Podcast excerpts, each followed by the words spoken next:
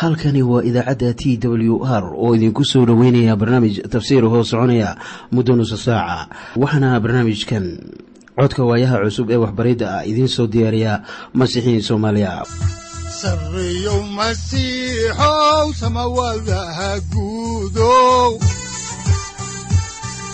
Siraadkii adduunkow subanaha eebow sareyow masiixow samawadaha guudow siraadkii adduunkow subanaha eebow jiro ifkaan soo saldhiganba adigoo soo saldhiganba kutubtiisanaye udanogu saaciiday sharxayn sifahaaga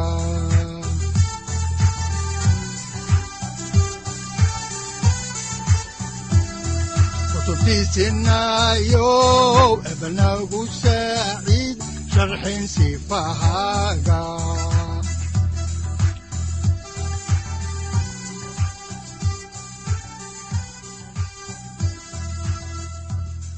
ku soo dhowaada dhegeystayaal barnaamijkeenna dhammaantiinba waxaannu caawayay idiin sii wadi doonnaa daraasaad aynu ku eegayno injiilka sida mataayosu qoray waxaana daraasaadkaas loogu magacdaray baibalka dhammaantii. Waxaannu macluumaad idinka siinaynaa ahamiyadda uu leeyahay injiilka sida mataayosu qoray waxaannu caawayay idiin sii wadi doonnaa cutubka shan iyo tobnaad. Mawduucyada cutubkani uu ka kooban yahay waxa ay kala yihiin kow ciise oo dhaleecaynaya culimmada iyo farisiinta labo ciise oo canaananaya xertiisa saddex ciise oo bogsiinaya gabadh ay dhashay haweenaydii reer kancaan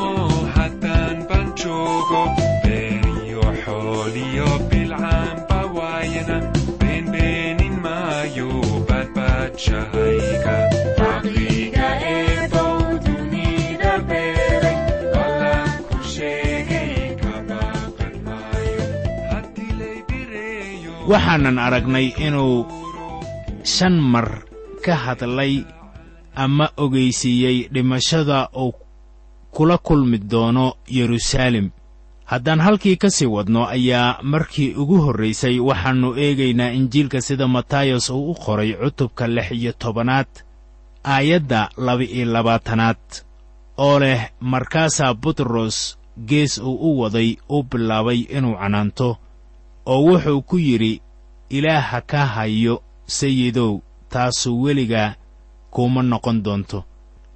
Aqliyan butros wuxuu yidhi waxaad tahay masiixa waxaana tahay wiilkii ilaah. Ma ahan inaad dhimato oo iskutallaabta lagugu qodbi maayo. Iskutallaabta kuma ayan jirin fikirrada rasuullada marnaba.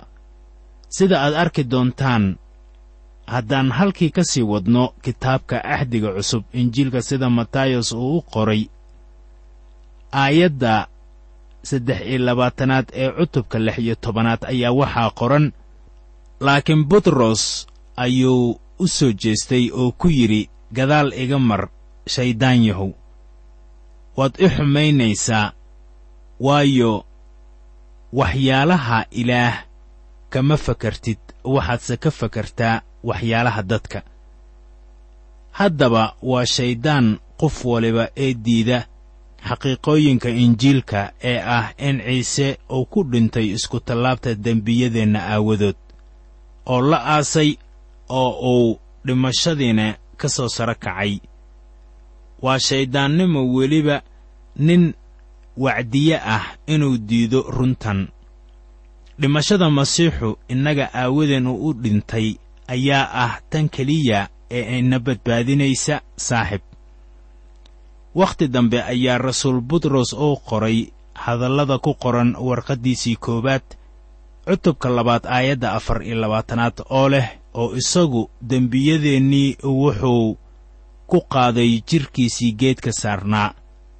Si innagoo dembi kala dhimannay aynu xaqnimo ugu noolaanno waxaad ku bogsateen xariijimihii karbaashiddiisii haddaan halkii ka sii wadno faallada kitaabka ayaa waxaa ku qoran injiilka sida matayos uu u qoray cutubka lix iyo tobanaad aayadda afar iyo labaatanaad oo leh markaasaa ciise wuxuu xertiisii ku yidhi mid uun hadduu doonayo inuu iga daba yimaado ha is inkiro iskutallaabtiisana ha soo qaato oo ha isoo raaco haddaan halkii ka sii wadno xigashada kitaabka ayaan markaana eegaynaa injiilka sida matayos uu u qoray isla cutubka lix iyo tobanaad aayadaha shan iyo labaatan ilaa toddoba iyo labaatan oo leh kan doonay inuu naftiisa badbaadiyo waa lumin doonaa oo kan naftiisa u lumiyaa aawaday wuu heli doonaa.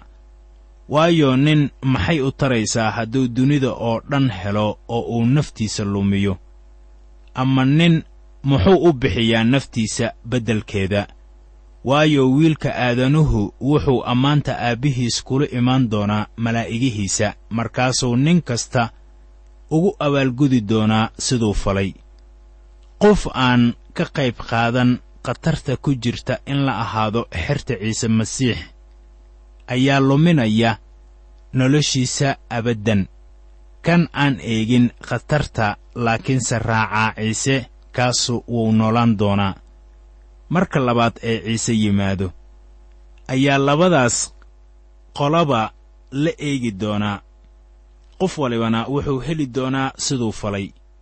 Haddaan halkii ka sii wadno ayaan haatan eegaynaa aayadda ugu dambaysa ee cutubkan lix iyo tobanaad oo ah aayadda siddeed iyo labaatanaad waxaana qoran sida tan runtii waxaan idinku leeyahay kuwa halkan taagan qaarkood.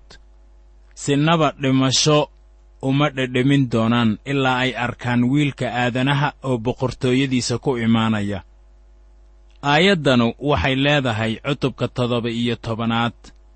Waayo qisada qaabka cusub ee ciise ayaa sharaxaysa waxa uu uga gol leeyahay markii uu jeedinayey hadalladan iminkana waxaannu soo gaarnay cutubka toddoba iyo tobanaad. Haatan waxaannu soo gudagelaynaa cutubka toddoba iyo tobanaad. Mawduucyada cutubkani uu ka kooban yahay waxa ay kala yihiin kow qaabka cusub labo wiilkii jinniga qabay iyo xertii rumaysadka darnayd.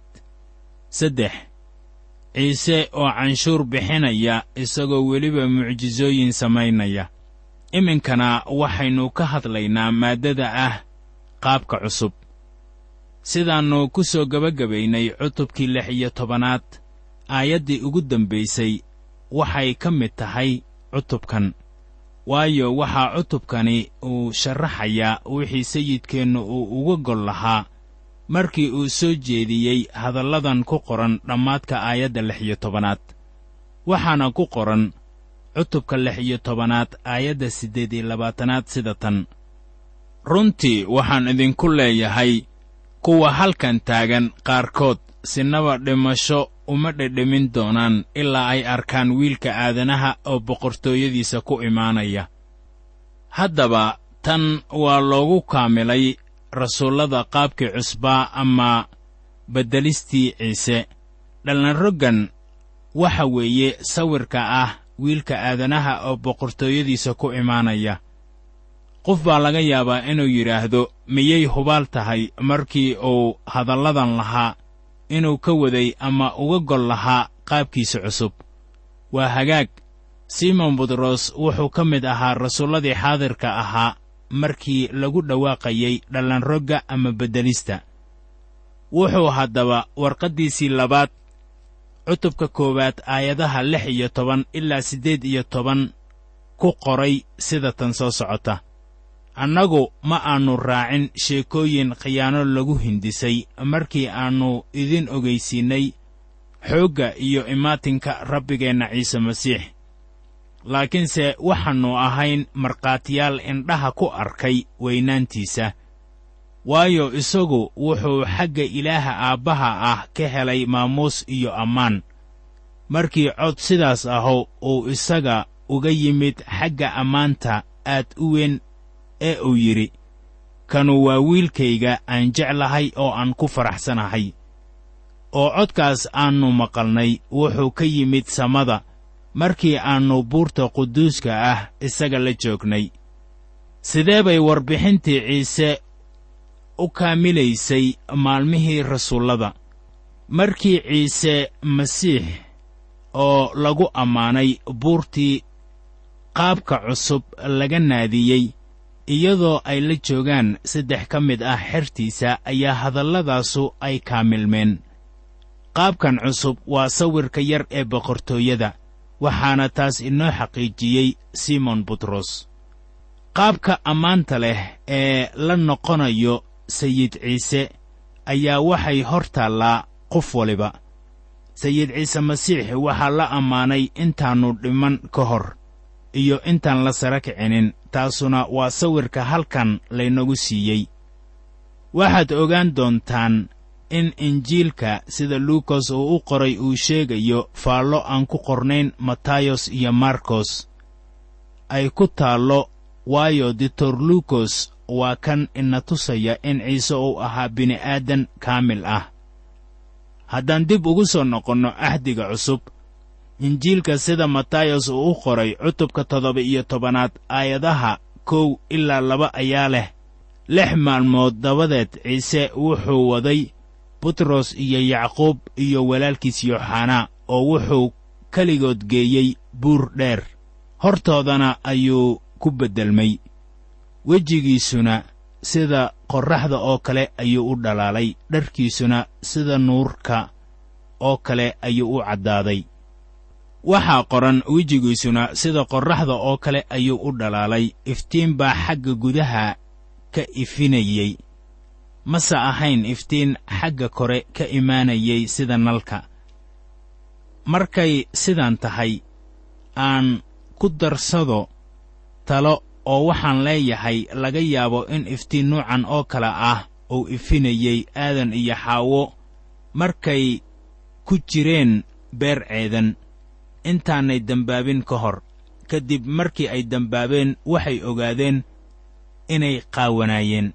Haddaan halkii ka sii wadno xigashada ayaa waxaa ku qoran injiilka sida matayos uu u qoray cutubka toddoba iyo tobanaad aayadda saddexaad sida tan oo bal eeg waxaa iyaga u muuqday muuse iyo eliyaas oo la hadlaya isaga. Muuse wuxuu u taagan yahay sharciga elyaasna wuxuu u taagan yahay nebiyadii. Muuse wuu dhintay elyaasna wuu ka tegay dunidan isagoo saaran gaarifardood dab ah. Luukos wuxuu inoo sheegayaa inay ka hadlayaan dhimashadii ciise oo ku dhimanayay yeruusaalem waxaa ku qoran injiilka sida luukos uu u qoray cutubka sagaalaad aayadaha soddon ilaa kow iyo soddon sida tan soo socota. Ee leh oo bal eeg. Laba nin ayaa la hadlayey isaga waxayna ahaayeen muuse iyo eliyaas oo ammaan ku soo muuqday oo waxay kala hadlayeen dhimashadiisa oo yeruusaalem dhowaan ku dhammayn lahaa. Sharciga iyo nebiyada ayaa ka markhaati kacaya dhimashadii sayid ciise masiix. Haddaan halkii ka sii wadno ayaa waxaa ku qoran injiilka sida matayos uu u qoray cutubka toddoba iyo tobanaad aayadda afaraad sida tan. Markaasaa butros uu u jawaabay oo wuxuu ciise ku yidhi sayidow waxaa inoo wanaagsan inaynu halkan joogno haddaad doonayso. Saddex waab ayaan halkan ka dhisayaa mid adan kuu dhisayaa midna muuse midna eliyaas simon butros mar waliba wuxuu jeclaa inuu helo fursad uu ku hadlo. Fursad waliba ee timaada isaga macno weyn bay u lahayd. Aalaaba intuu istaago ayuu hadal odhanayaa badanana wuxuu odhanayay waxaan habboonayn. Taasuna way soconaysaa ilaa laga gaaro maalinta bentekost laakiin halkan qalad buu ku hadlay. Haddaba miyuu iska aamuso? Ilaah qudhiisa ayaa canaantay isaga. Sidaannu arki doonno waayo wuxuu doonayaa inuu muuse iyo ilyaas uu isku meel la dejiyo sayid ciise. Luukos ayaa faallo ka bixinaya falxumida butros markii uu yidhi mase uu ogeyn wixii uu lahaa.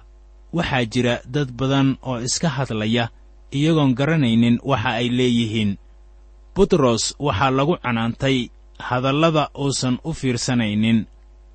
Waa inuu haddaba iska aamusaa innagoo halkii ka sii wadayna faallada ayaannu eegaynaa injiilka sida matayos uu u qoray cutubka toddoba iyo tobanaad aayadda shanaad oo leh intuu weli hadlayey daruur dhalaalaysa ayaa hadhaysay oo cod baa daruurtii ka soo baxay oo yidhi kanu waa wiilkayga aan jeclahay oo aan ku faraxsanahay.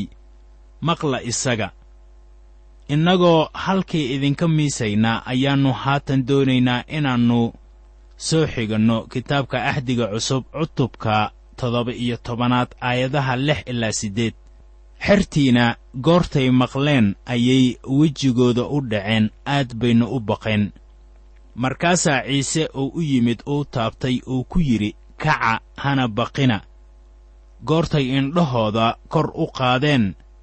Cidna ma ay arkin ciise keliya maahee haddaba innagoo halkii idinka sii wadna ayaannu eegaynaa aayadda sagaalaad. Waxay odhanaysaa sida tan soo socota oo leh markay buurta ka soo degayeen ciise ayaa amray oo wuxuu ku yidhi ninna ha u sheegina wixii aad aragteen intaannu wiilka aadanuhu kuwii dhintay ka soo saro kicin. Haddaan halkii ka sii wadno xigashadii ayaa haatan waxaa ku qoran injiilka sida matayos uu u qoray cutubka toddoba iyo tobanaad aayadda tobanaad sida tan. Xertiisii waxay weyddiiyeen oo ay ku yidhaahdeen haddaba culimmadu maxay u yidhaahdaan ilyaas waa inuu horta yimaado haddaba hadal caaqibo leh ayaa halkan ka soo baxay.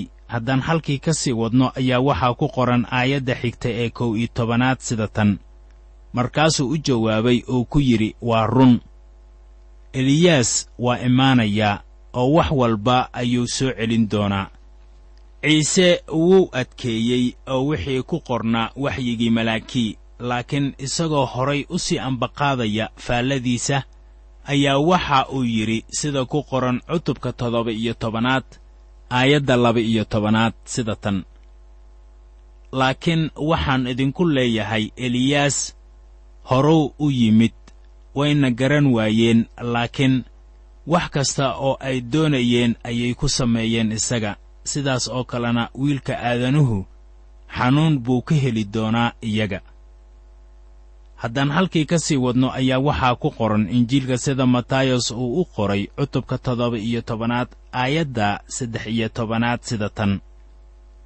Markaasaa xertiisii ay garatay inuu kala hadlay yooxanaa baabtiisaha iminkana waxaynu ka hadli doonnaa arrinkii ku saabsanaa wiilkii jinniyaha qabay. Marxaladdan waxaannu arkaynaa xaalad ku saabsan boqortooyada jannada sida ay ka tahay dunideenna maanta. Halkee bay kiniisaddu uga jirtaa arrimaha dunida? Waxaad haatan ii raacdaa buurta hoosteeda halkaasoo ay joogeen xertii kale. Waa kuwii aan la soconin sayidkeenna markii uu dhallanrogga ku dhacayaye. Ayaa dhib uu qabsaday. Aynu eegno aayadda afar iyo tobanaad ee isla cutubkan oo leh goortay dadkii badnaa u yimaadeen ayaa nin uu u yimid isaga oo intuu u jilba joogsaday ayuu ku yidhi sayidow wiilkayga u naxariiso waayo suuxdin buu qabaa oo aad buu u xanuunsadaa oo marar badan wuxuu ku dhacaa dabka marar badanna biyo oo waxaan u keenay xertaada wayna bogsiin kari waayeen innagoo halkii ka sii wadayna ayaa waxaa ku qoran isla cutubka toddoba iyo tobanaad aayadda toddoba iyo tobanaad sida tan soo socota.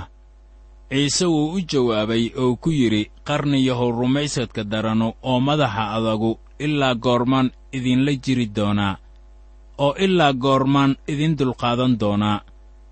Halkan igu keena isaga haddaan halkii ka sii wadno ayaa waxaa ku qoran aayadda siddeed iyo tobanaad sida tan soo socota. Markaasaa ciise uu canaantay oo jinnigii waa ka baxay. Saacaddaasna wiilkii waa bogsaday. Sayidku wuxuu canaantay xertiisa dabeetana wuxuu canaantay jinniyadii. Xaalkanina wuxuu ahaa kii ugu xumaa ee ku taxalluqa jinni qabayaashii ee sayidkeennu wax uu ka qabtay.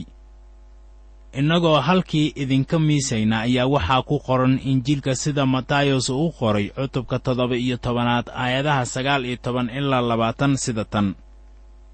Markaas xertii ayaa keli ahaan ciise ugu timid oo ku tidhi annagu maxaannu u saari kari weynay. Wuxuu ku yidhi waa rumaysad yaraantiinna aawadeed runtii waxaan idinku leeyahay haddaad leedihiin rumaysad inin qardal la eg. Waxaad buurtan ku odhan doontaan halkan ka dhaqaaq oo halkaas tag wayna dhaqaaqi doontaa oo waxba ma kari waayi doontaan. Marka la leeyahay wax idinku adkaanaya ma jiraan ayaa taasu ay noqonaysaa in wax waliba uu idinku hagaagayaan doonista ilaah waxay ahayd doonista ilaah in wiilkan laga badbaadiyo jinniyada. Maxay haddaba xerta ugu samata bixin waayeen jinniyada? Waayo rumaysad ma lahayn. Haddaan eegno aayadda xigta ayaa waxaa ku qoran. Laakiin caynkan waxba kuma soo baxo tukasho iyo soon maahee iminka aynu ka hadalno maaddada ah mar kale ayaa ciise uu ogaysiiyey xertiisa dhimashadiisa iyo sarakicistiisa markii saddexaad ayuu sayidku xusuusiyey xertiisa inuu dhiman doono oo haddana uu dhimashada ka sara kici doono. Haddaan dib ugu noqonno kitaabka ayaa waxaa ku qoran injiilka sida matayas uu u qoray cutubka toddoba iyo tobanaad aayadaha laba iyo labaatan ilaa saddex iyo labaatan sida tan intay galilii ku warwareegayeen ciise ayaa ku yidhi wiilka aadanaha ayaa dadka loo gacangelin doonaa wayna dili doonaan maalinta saddexaadna waa la sara kicin doonaa markaasay aad u calool xumaadeen. Haatanna aynu ka hadalno maaddada ah lacagtii canshuurta oo laga soo bixiyey afkii kalluunka.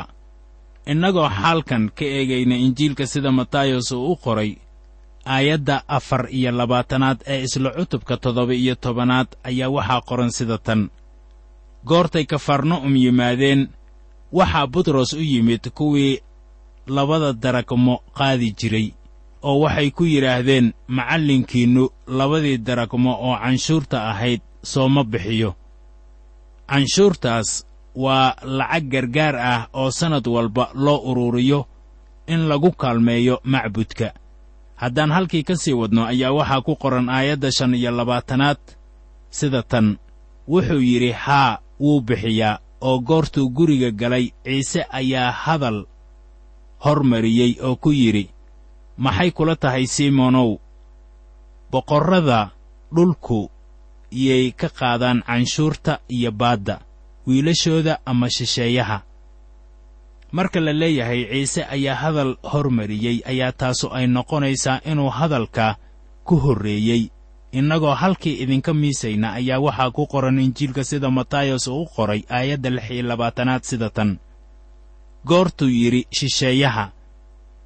Ciise ayaa ku yidhi haddaba wiilashu waa ka reeban yihiin.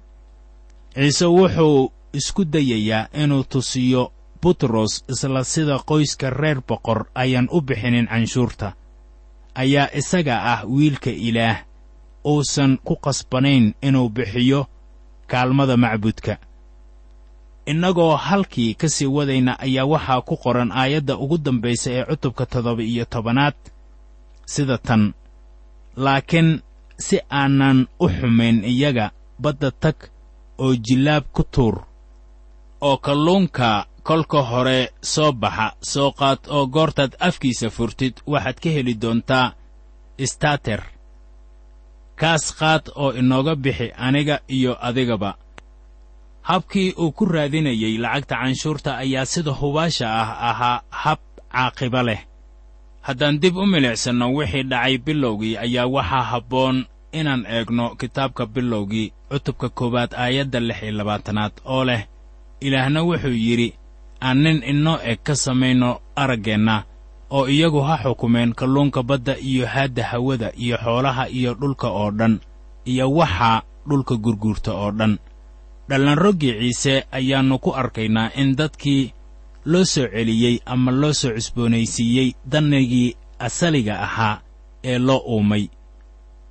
Haatanna waxaynu soo gaarnay cutubka siddeed iyo tobanaad waxaannu soo gaarnay cutubkan siddeed iyo tobanaad oo ka mid ah axdiga cusub injiilka sida matayos uu u qoray waxaana mawduucyadiisu ay kala yihiin kow. Ilmaha yar labo idihii lumay saddex sifaha kiniisadda imaanaysa afar iyo masaalka ku saabsan cafinta. Iminkana aynu ka hadalno maaddada ah carruurta yaryar oo wax laynagu barayo haddaan ku soo noqonno xigashada kitaabka ayaa waxaa ku qoran injiilka sida matayos uu u qoray cutubka siddeed iyo tobanaad aayadda koowaad sida tan. Saacaddaas ayaa xertii ay u timid ciise oo waxay ku yidhaahdeen yaa haddaba boqortooyada jannada ugu weyn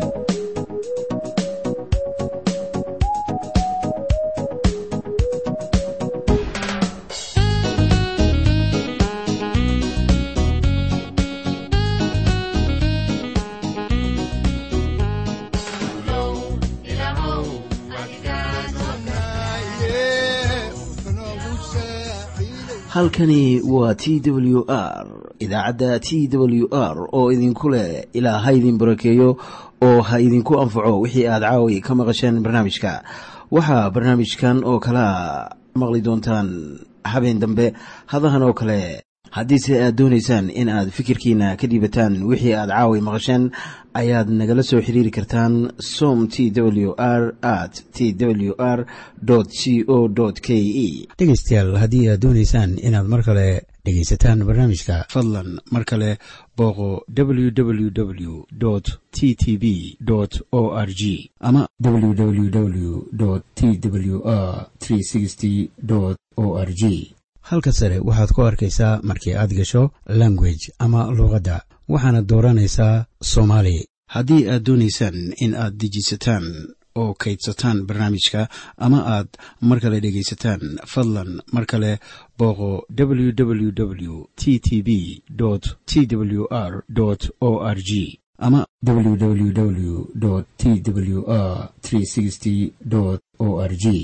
Haddii aad doonayso in laga kaalmeeyo dhinacyada fahamka kitaabka amase aad u baahan tahay duco fadlan fariimahaaga soo mari bogga aaraahda ama kommentska inana jawaab degdeg ah ayaanu ku soo diri doonaa amase ku siin doonaaye sareyow masiixow wihiyow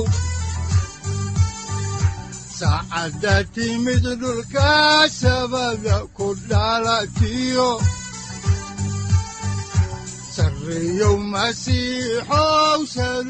halkani waa t w r oo idiin rajaynaya habeen baraare iyo barwaaqaba leh inta aynu ka gaari doono wakhti aynu ku kulanno barnaamij la mida kan caawayay aad maqasheen. Waxa aan idinku leeyahay nabadda ciise masiix ha idinku badato xagga jidhka iyo ruuxaba aamiin